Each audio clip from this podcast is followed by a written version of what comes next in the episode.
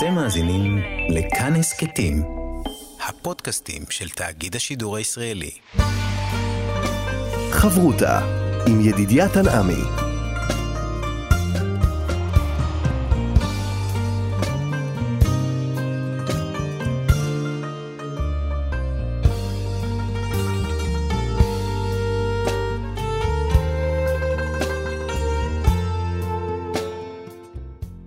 שלום כאן, מורשת חברותא לימוד משותף עם רבנים ואנשי חינוך בנושא תנ"ך, הלכה ואמונה. היום אנחנו לומדים אמונה יחד עם הרב מתניה ידיד, ראש מרכז ספרא לחינוך וזהות. וכאן ליד המיקרופון, ידידיה תנעמי, שלום לך הרב מתניה ידיד. שלום.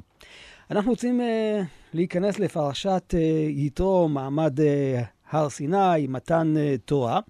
והנה אנחנו רואים שהקדוש ברוך הוא מגביל את העם ונותן להם מקום עד איפה אפשר להגיע אל ההר. וכל הרעיון הזה של ההגבלה, של אה, נתינת אה, סייג עד איפה אפשר להגיע, זה בא אולי ללמד אותנו של המרחק שלנו מהקודש, למרות שצריך להתקרב. וזה הדיסוננס הגדול של אה, מתן תורה, שהקדוש ברוך הוא כתוב במפורש, וירד השם על הר סיני. זאת אומרת, זה משהו שהוא... יש התקרבות, הקדוש ברוך הוא מתקרב בעצמו אלינו, ואנחנו מוגבלים. אנחנו לא יכולים להתקרב אליו, הגבל את ההר וקידשתו. והדבר הזה מאוד מאוד נוכח, גם לפני עשרת הדיברות ואפילו אחרי עשרת הדיברות. כן, אבל הדבר המאוד מעניין, באמת, כפי שאתה אמרת, שרואים כאן את התנועה הזאת. אה, מצד אחד, הקדוש ברוך הוא אומר למשה, עלה אל הר סיני, מצד אחר רואים שיש הרבה ביטויים, הרבה אה, פעלים של רד אל העם. יש כאן כל הזמן עלייה וירידה. אז בוא, בוא, בוא ניכנס לזה, בוא נראה את הפסוקים, איך הם מתארים את זה. אני חייב להגיד שכל פעם שאנחנו קוראים את השיא הזה של עשרת הדיברות, יש בתי כנסת הרי שעומדים, mm-hmm. נכון? ברגע של קריאת עשרת הדיברות, יש כאלה שמתנגדים לעמוד, ועוד נדבר על זה, אבל אתה רואה את השיא של עשרת הדיברות, אבל הפסוקים הבודדים לפני עשרת הדיברות מתארים משהו ש... בגלל העוצמה של עשרת הדיברות, לפעמים אפשר לפספס אותם. יש ויכוח בין משה לבין הקדוש ברוך הוא. הקדוש ברוך הוא מצווה את משה, לך תעשה משהו מסוים, ומשה אומר לו, לא צריך. הקדוש ברוך הוא עשינו את זה, כבר לא צריך, בוא נתקדם. והקדוש ברוך הוא אומר לו, לא, צריך, שוב, תרד, תרד תעשה את זה. ואתה מתבונן על מה הוויכוח. על מה הוויכוח בין משה לקדוש ברוך הוא דקה לפני מתן תורה. הוויכוח הוא, לך, תזהיר אותם, שוב תגביל אותם שלא יתקרבו להר. אני, אני אקרא רק מילה אחת ממה שהקדוש ברוך הוא מבקש ממשה. והקדוש ברוך הוא מבקש ממשה, תרד, שוב, תגביל את העם וקידשתו. תראו איך זה כתוב. זה כתוב, רד, העד בעם, פן יהרסו אל השם לראות, ונפל ממנו רב. עכשיו, אני חייב להגיד, ידידיה, שאנחנו לא סתם מתבלבלים פה. כי פסוקים לפני זה מתארים כבר את הכל מוכן לקראת המעמד הגדול. ואנחנו לא מבינים למה צריך עוד ציווי. ויהי כל השופר הולך וחזק. משה ידבר, האלוהים יעננו בקול. השם יורד על הר סיני אל ראש ההר, והוא קורא אל משה. עוד רגע מתן תורה, ותראה מה קורה. לא. שוב, ויאמר השם אל משה, רד. אז בשביל מה קראת לי לעלות? למה לרדת? להזהיר אותם מלהתקרב. למה כך צריך להזהיר את העם? זה עניין של סכנה, שחס ושלום מישהו שמתקרב יכול למות, או שיש פה משהו גדול יותר? אז אם זה היה אזהרה חד פעמית, הייתי אומר, יש פה אזהרה, יש פה mm-hmm. דבר גדול מאוד, קדוש מאוד, שאנחנו לא יודעים בכלל איך, ל, ל, ל, איך להסתכל עליו. כן. כתוב שהעם, עוד רגע נדבר על זה, מה, מה קורה כשהקדוש ברוך הוא יורד על הר סיני. אבל האזהרה הזאת חוזרת שוב ושוב ושוב. אגב, ידידיה, מי, מי, מי צודק בוויכוח הזה? השאלה היא בכלל, למה צריך בכלל להזהיר כמה פעמים? מה, זה לא דבר ברור כשאדם עומד לפני הקודש וזה, הוא, הוא ייזהר? הרי בסופו של דבר הם בעצמם ברחו, כתוב שוינו ויעמדו מרחוק. וזה בדיוק, ענית לי על השאלה. אני מסתכל, פסוק אחד אחרי עשרת הדיברות, מה המילה הראשונה שכתובה אחרי עשרת הדיברות? וכל העם רואים את הקולות, את הלפידים, את כל השופר, מה הוא עושה? וירא העם, וינועו ויעמדו איפה? מרחוק. מרחוק. משה צדק, היה צריך להזהיר את העם, העם ברח, כתוב שהוא ברח כמה? אלפיים אמה. וואו. אלפיים אמה, שני קילומטר. הוא ברח, כי זה באמת היה מפחיד. אז היה צריך להזהיר אותם לא להתקרב? זה מעצים מאוד את השאלה. אבל אז, כשאתה מסתכל על כל הפרשייה, אגב, אתה שאלת, אתה אומר, אדם רואה את הקודש, זה באמת מפחיד. לא נעים לי לספר את זה או להגיד את זה, אבל זה בינינו.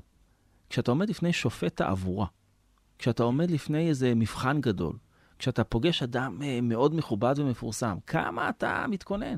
הקודש הגדול הזה, הר סיני. תוסיף את כל מה שהיה שם, הקולות, וברקים והאש. מי יתקרב לזה? גם הצאן והבקר אל יראו אל מול ההר ההוא. כולם ברחו, על מה מדובר? ולכן, כנראה שזה משהו מאוד מאוד יסודי בקבלת תורה. לא מדובר כאן רק בפחד ואימה, וגם לא מדובר כאן רק באיזו סכנה שצריך להיזהר ממנה, mm-hmm.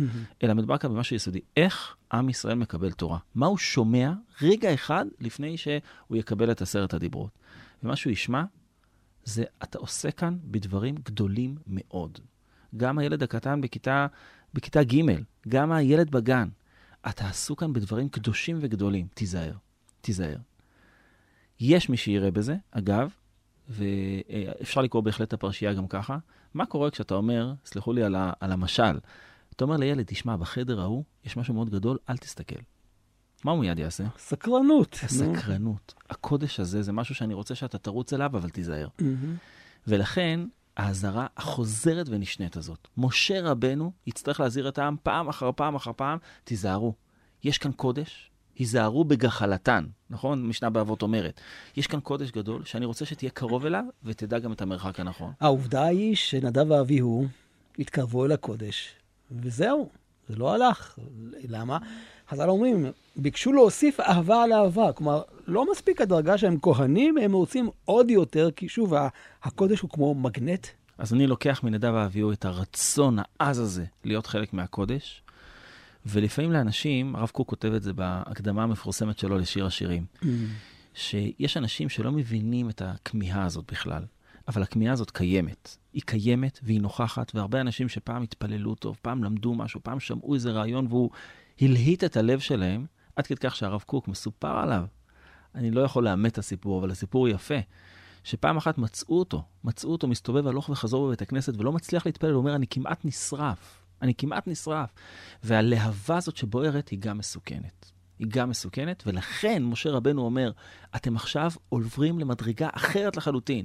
דורשת זהירות, דורשת הגבלה, אבל גם כמיהה גדולה מאוד מאוד.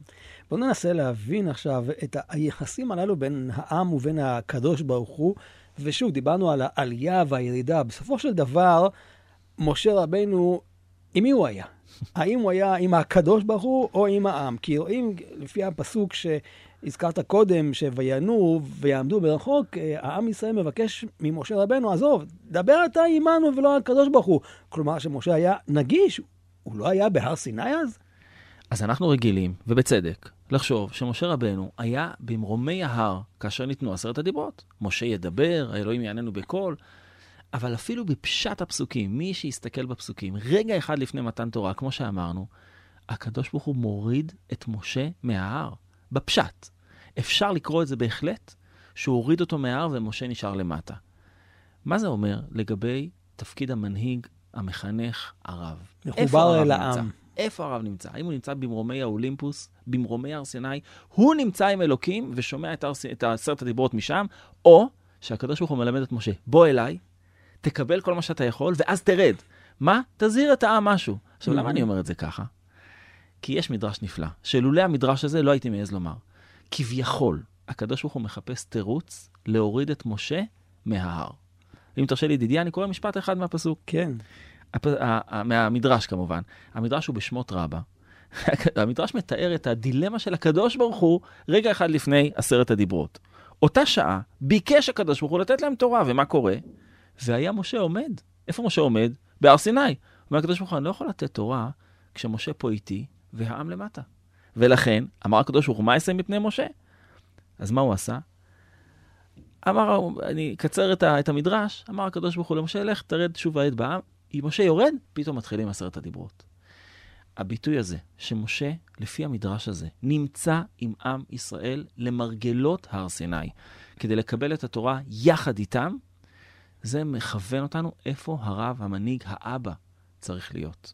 וכאן, כשעם ישראל ישמע את התורה, הוא יכול גם לדבר עם משה, דבר אתה, כמו mm-hmm. שאמרת, דבר אתה עמנו ונשמע, העם נמצא קרוב אליו. חברותה עם ידידיה תנעמי חברותה באמונה כאן אה, במורשת, ואנחנו עם אה, מעמד הר סיני, דיברנו על הרעיון הזה של אה, משה רבנו, שהוא מתווכח עם הקדוש ברוך הוא בעניין של הגבלת עם ישראל. ואנחנו רואים את העניין הזה שהוא חוזר על עצמו. משה עונה לקדוש ברוך הוא גם בחלק הראשון, שהוא נבחר. הוא אומר, תשלח נא ביד תשלח, והן לא יאמינו לי. אתה רואה כאן את המנהיג שמתווכח עם הקדוש ברוך הוא לאורך כל אה, הדרך, גם בחטא העגל בהמשך. אז השאלה היא כזאת, עד כמה באמת אפשר להיות אה, פתוח, להיות מבקר, לשאול שאלות מול סמכות עליונה? כרגע זה הקדוש ברוך הוא, אבל גם זה יכול להיות רב ותלמיד. אז יש היום בעולם החינוכי, וגם בעולם העסקי, משהו שנקרא modeling. אם אני רוצה ללמד את התלמידים איך uh, מתווכחים, אז כשייכנס מישהו אחר לכיתה ואני אצטרך להתווכח איתו, אני אראה להם איך עושים את זה נכון, איך עושים את זה בהקשבה, בענווה והכול. Mm-hmm. התורה מלמדת אותנו איך לומדים. התורה מלמדת אותנו מה זה בית מדרש. וזה שמשה רבנו מעז, וצריך להגיד, יש פה תעוזה גדולה, עזות קדושה. כן. להגיד לקדוש ברוך הוא, הקדוש ברוך הוא, אני לא מתאים, מי יודע יותר אם אתה מתאים או לא? מי, מי יותר מהקדוש ברוך הוא? מי שם פה לאדם? מי שם פה לאדם? הקדוש ברוך הוא אומר לו את זה. מה, אתה מפחד מזה שאתה ערל שפתיים? אבל משה מחויב, וזה מה שהתורה מדגישה לנו. משה עושה את זה לאורך כל הדרך. כל הדרך. הוא עומד לפני הקדוש ברוך הוא, ובתפילה ובענווה, כמו שאנחנו יודעים שהוא היה הענב מכל האדם, ומצד שני, תראה כמה שאלות, תראה איזה שאלות. נכון, אפילו להיכנס לארץ, אה, רב לך, אל תוסף דבר אליי בדבר הזה, כאילו, די, הגזמת. כן, כמה חז"ל מונים שם, 500 כן. ומשהו תפילות. זה, זה, משה נאבק על האמת, גם מה שנקרא לא בשמיים היא. זאת אומרת, אנחנו לומדים ממשה רבנו, המנהיג הגדול, הענב מכל האדם, ענווה היא לא התבטלות מוחלטת. גם מול הקדוש ברוך הוא בעניין הזה. אגב, זה מופיע גם לגבי תפילה. שכשאדם רוצה מאוד משהו, הוא לא, הוא לא שותק. הוא זועק את זה, הוא מתפלל. נכון. אחד מלשונות התפילה זה צעקה.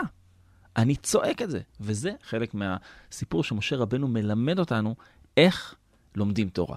האם כל דבר אפשר לשאול, לבקר, אין איזה גבול מסוים, שאתה אומר, רגע, כאן הגזמת?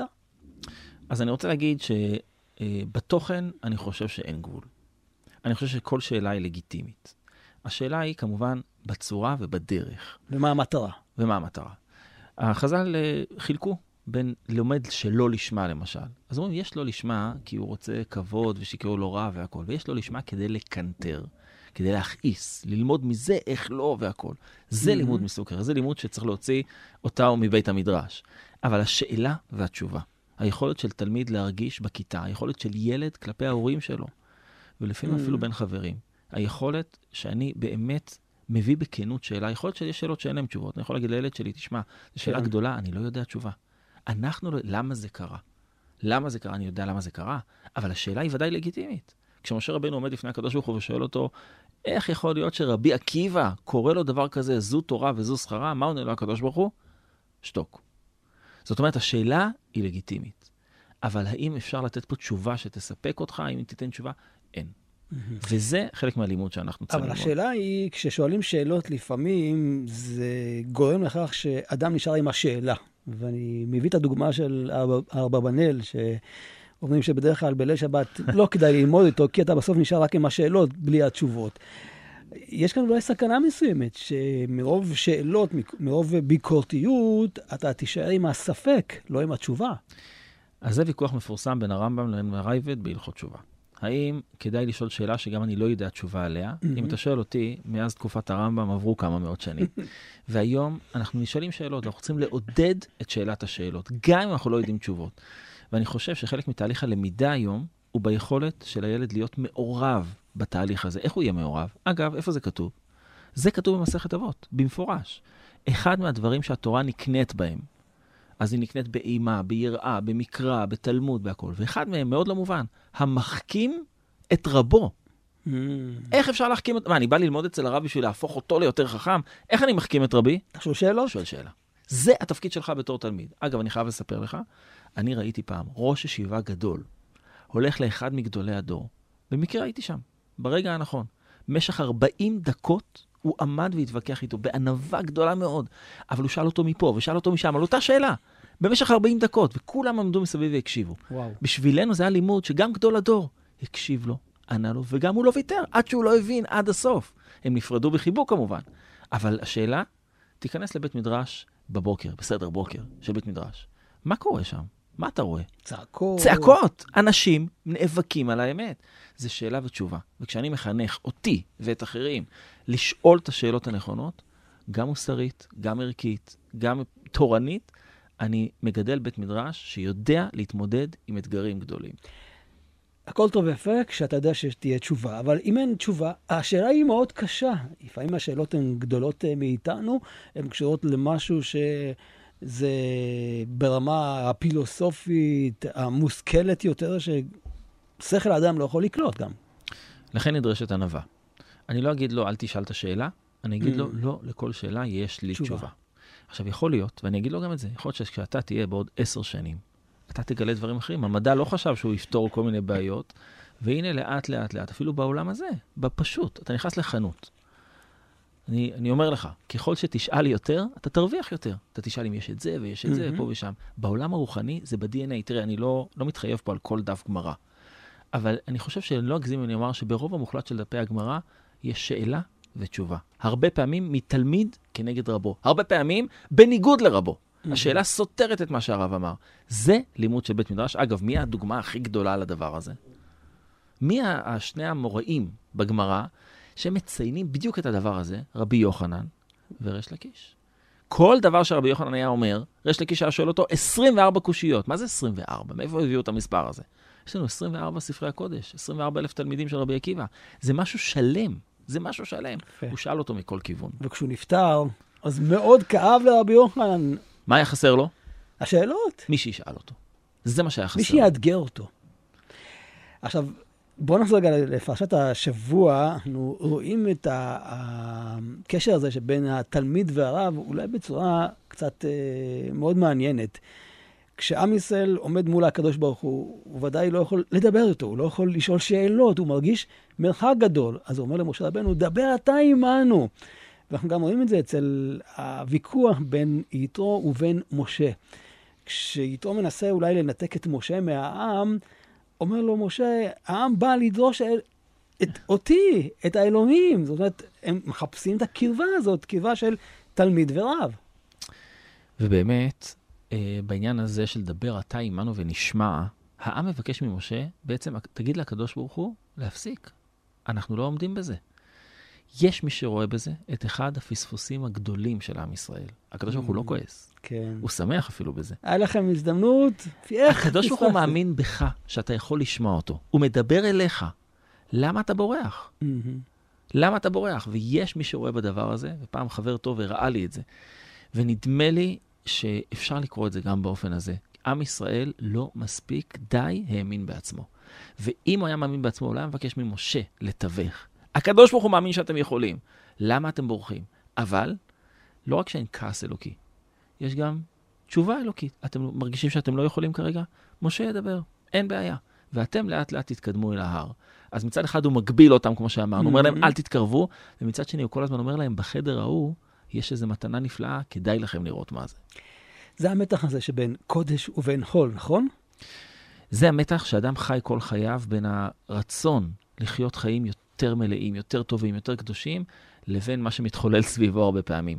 ואדם צריך להקשיב לקולות האלה, אדם צריך לראות אם הוא מתקרב מספיק, אבל לא מתקרב מדי, בוודאי ובוודאי אם הוא לא מתרחק מדי.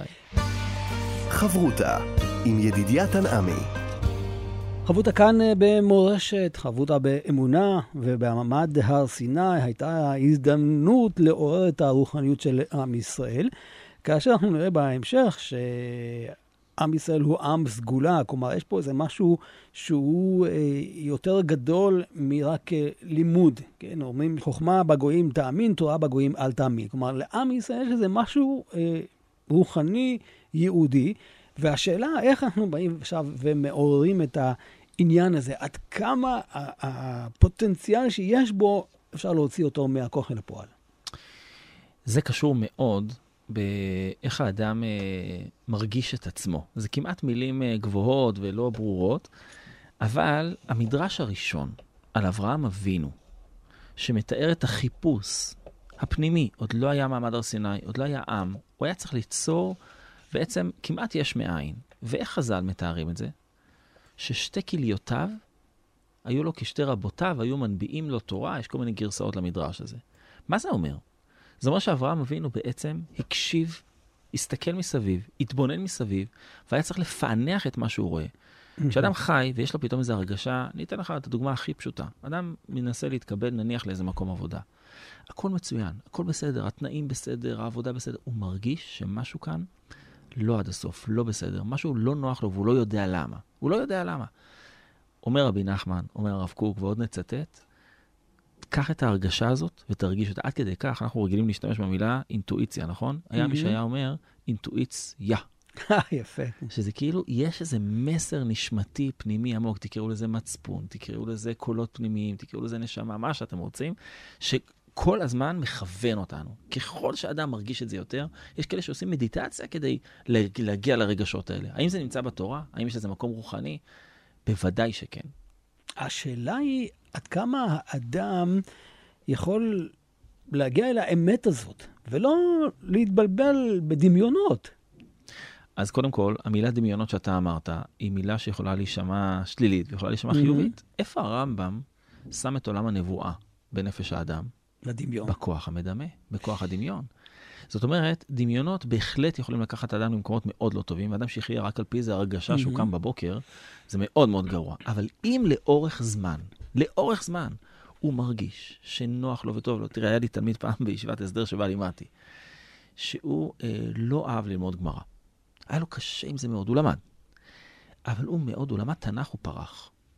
אמרתי לו, תלך עם זה, אתה לומד את זה ברצינות. אתה, אתה יושב ולומד, אתה מנתח את זה, אתה mm-hmm. כותב את זה, תשב, תלמד, אולי זה, זה מה שאתה צריך. אל תוותר על גמרא, אל תוותר על הלכה, אבל אל תוותר על ההרגשה שלך. אם זה מתוך נוחות או קלות, אדם צריך לחשוד בעצמו, הרב קוק כותב את זה באחד האגרות. כן. תמיד תחשוד בעצמך שאולי יש פה איזה עניין של נוחות. אבל אם לא, וזה לאורך זמן, זה לא איזה הרגשה של בוקר אחד. כן, אדם צריך להקשיב לעולם הפנימי שלו ולראות איזו תורה מלמד אותו. כמו שכתוב, אין אדם לומד תורה אלא במקום או ממקום שליבו חפץ. ושוב, צריך להדגיש שככל שהאדם יתמלא, אז ממילא גם הרגשות, הדמיונות שלו יבואו ממקום טהור. ופה העלית את הנקודה אולי הכי חשובה. כי יש רגעים שאדם נמצא בחייו בדאון, יש רגעים שאדם mm-hmm. נמצא בחייו בלמעלה. אתה לא יכול להיות נוונד בעולם הרוחני שלך כל הזמן. אתה צריך איזושהי יציבות פנימית, ולכן הרגשות שהולכות איתך לאורך זמן. תראה, אני אתן לך דוגמה. אה, באורות התורה, כותב הרב קוק, שמשפט שהולך איתי הרבה מאוד שנים, אני חושב שהוא מאוד מאוד מאוד מוכר. הוא מתחיל אותו ככה, האדם הישר צריך להאמין בחייו. אז קודם כל צריך להיות ישר בשביל זה. ואדם צריך לעבוד על היושר שלו, הלוך ועבוד, כל הזמן לעבוד על זה. אבל עוד דבר, הוא צריך להאמין בחייו. מה זה להאמין בחייו? אני חי, מה זה להאמין בחיים שלי? Mm-hmm. אז הוא מפרט. כלומר, הוא מיד כותב, שיאמין בחיי עצמו והרגשותיו, מדהים, ההולכות בדרך ישרה. אני צריך להאמין שאם יש משהו שהולך איתי לאורך זמן ואני מרגיש אותו, אני מרגיש שמשהו פה לא בסדר, אני מרגיש... תראה, אני, לפעמים איזה בחור יכול להתייעץ איתי על איזה דייט שהוא יוצא. Mm-hmm. והוא אומר, תשמע, לפי הטבלאות, הכל מצוין, הכל נפלא, אבל אני מרגיש שמשהו, לא. שזה לא זה, משהו כאן לא טוב. הוא אומר לי, האם אני צריך לבטל את זה? אמרתי לו, מה פתאום? מה פתאום לבטל? תמשיך, אל תוותר. אבל אם זה הולך איתך לאורך זמן, זה לא משהו שאתה יכול להתעלם ממנו. זה נקרא שצריך להאמין בחיי עצמו והרגשותיו, ואני אומר שוב, אינטואיציה זה דבר שהרב קוק הוא מגדולי המאמינים שלו. זה מה שהוא אומר, האיש הישראלי מחויב להאמין שנשמה אלוהית שרויה בקרבו, שעצמותו כולה היא אות אחת מן התורה. כלומר, יש כאן משהו אמיתי, זה לא משהו סתם דמיוני. אתה לקחת אותנו... הקפצתי אותך. הקפצת או העמקת, אני לא יודע איך להגיד את זה. העלית אותנו להר או כן. מעמקי הים. באמת הרב קוק כותב שככל שאדם יאמין בזה יותר, אם אני מאמין שאני אות אחת מהתורה, איך אני מתייחס להרגשות שלי? Mm-hmm. איך אני מתייחס לתפילה שלי, לתורה שלי? אני מתייחס בחשיבות אינסופית. ככה מספרים על תחילת החסידות, שבעצם באו לאדם הפשוט ואמרו לו, התפילה שלך מרקיעה שחקים. אף אחד לא אמר לו את זה עד אז. ופתאום הוא מתחיל להחשיב את התפילה שלו, יש מושג הלכתי, שהוא קשור לענייני גם טומאה וטהרה ואחרים, שנקרא אח שווה. כשאתה הופך משהו לחשוב, הוא פתאום נהיה כלי, הוא פתאום נהיה לעניין הוצאת שבת, הוא, הוא נהיה חשוב. האם האדם מחשיב את עצמו? את ההרגשה שלו, את הדיבורים שלו, את המעשים שלו. יש ספר שלם, אגב, שעוסק ממש בדבר הזה, וזה נפש החיים של רב חיים מוולוז'ין. הוא לוקח את האדם ואומר, אתה צלם אלוהים. אתה רוצה שאני אסביר לך מה זה צלם אלוהים? הוא כותב ספר שלם בדיוק על הדבר הזה, אח שווה. וואו, תגיד, היסוד הזה הוא בעצם היסוד של תשובה, כשאדם מתרחק מהמקור שלו, בסופו של דבר יש לו לאן לחזור. תראה, אתה אומר משהו נפלא פה, כי לפעמים אנחנו תופסים תשובה כי אני צריך לעשות משהו חיצוני, התרחקתי ממנו, עכשיו אני חוזר לשמור שבת, או... זה לא זה. כשאדם מתרחק מעצמו, עד כדי כך, זה נקרא, הרב קוק גם כותב את זה באורות התשובה, עלמא דה פירודה, עולם של פירודים. הוא לא מרגיש את עצמו, הוא מתרחק מעצמו, ולכן תהליך של תיקון מתחיל קודם כל במה? קודם כל במה? הוא מתחיל קודם כל בחזרה אל עצמיותו. לכן הרמב"ם, הרבה פוסקים סוברים שברמב"ם אין מצוות תשובה, יש מצוות וידוי. תעמוד מול עצמך, מול המראה, תגיד מה, מי אתה, מה עשית. זה כבר מחזיר את האדם לעצמו. איך אני יכול לדעת עד כמה הדמיון הזה הוא דמיון אמיתי, או דמיון שאולי ראיתי אותו ממקורות אה, לא כל כך אה, טובים? למשל, ניקח את הדוגמה של החלום. אז החלום זה גם אה, מערכת של דמיון, אבל אנחנו יודעים שהרבה דמיונות האלו זה חלומות שווא. אז אני הייתי אומר לא להתעלם מזה. החלום הוא חלום שלך, ואתה חלמת אותו. זאת אומרת, כרגע זה כמו שתפילה נקראת נכון חיי שעה. אם מה שמטריד אותך כרגע זה מה תאכל לארוחת צהריים, אז זה אתה, זה מה שמטריד אותך כרגע. רק אומר הרב קוק, שאתה גם אות אחת, אל תשכח אף פעם שהרגשות שלך הם הרבה יותר עמוקים מהדבר הזה. וצריך להגיד שכשעוסקים בעולם של תיקון, עולם של תשובה, אז ככל שהאדם, כמו שאתה אמרת מקודם, הוא ישר, הוא אות מן התורה, הוא מאמין בעצמו, הוא לא יתרחק עד כדי כך. אגב, באמת אנחנו מאמינים שנשמה גדולה שורה בכל אחד ואחד. ולכן, אני רוצה להגיע אל המקום הפנימי הזה. אז יש קליפות, יש דברים חיצוניים, אני רוצה לחדור אותם ולהגיע למקום הכי עמוק של האדם. שם, יודע, בפורים מתגלים כל מיני דברים, בחגים, בתפילות. אנחנו יכולים בהחלט להגיע למקומות העמוקים האלה. חברותה עם ידידיה תנעמי. חברותה כאן במורשת, חברותה באמונה, יחד עם הרב מתניה ידיד, ודיברנו על הכוח הרוחני שיש באדם, ההרגשה הפנימית שלו. השאלה עד כמה ההרגשה הזאת היא כלפי האדם פנימה בלבד, כשהאדם עצמו, הוא חש את עצמו, או שיש גם אולי את הרעיון כלפי הזולת, כי הרי אנחנו יודעים שיש את המצווה הזאת, ואהבת לרעך כמוך.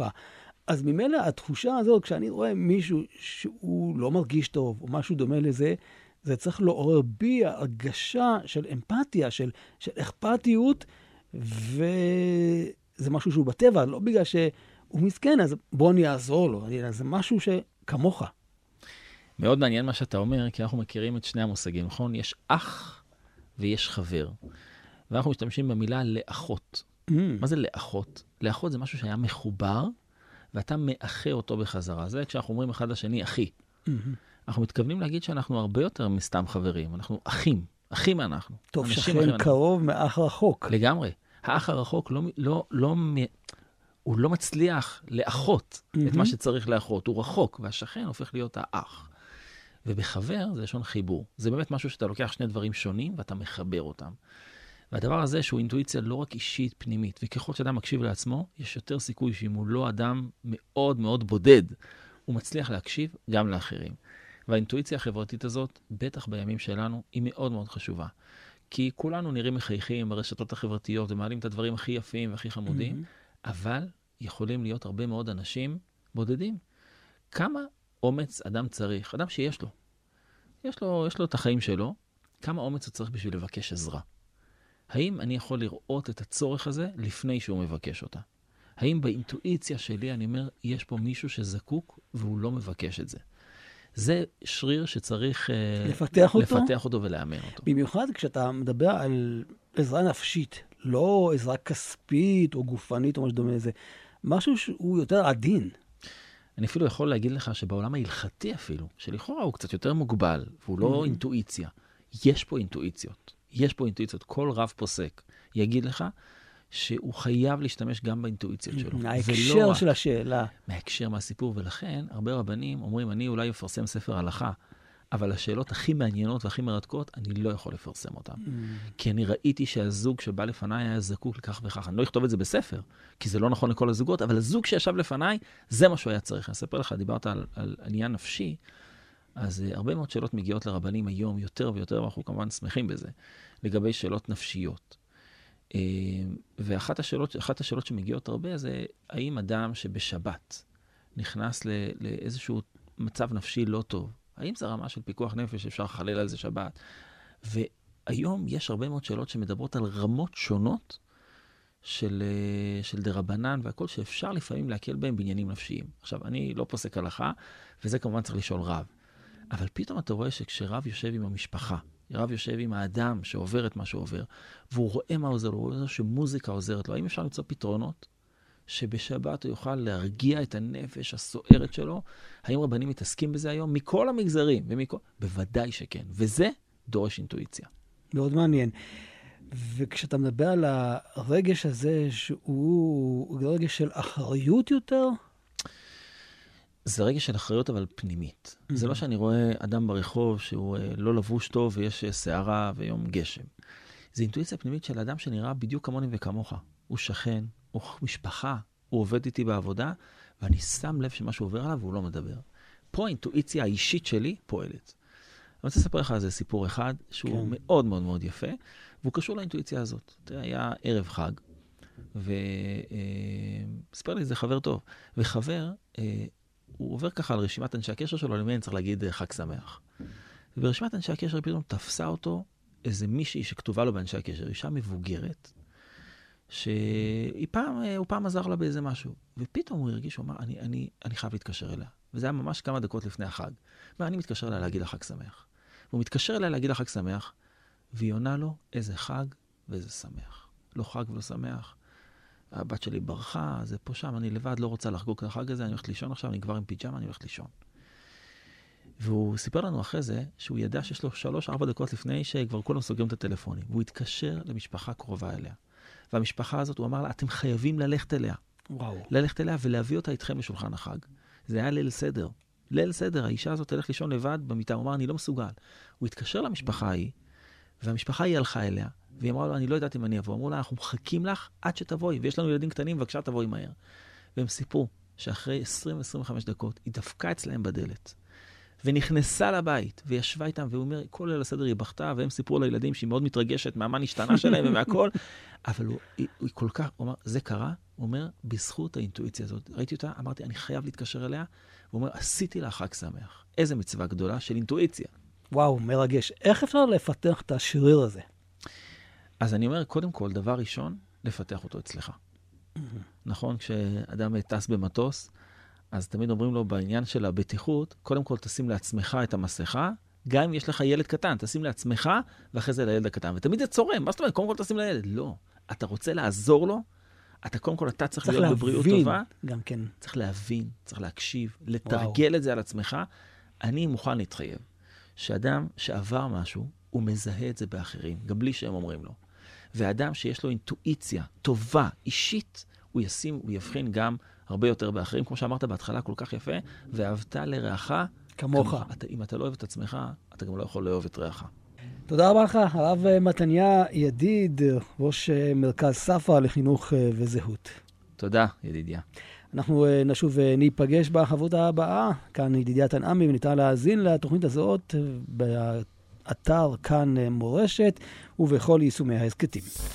אתם מאזינים לכאן הסכתים, הפודקאסטים של תאגיד השידור הישראלי.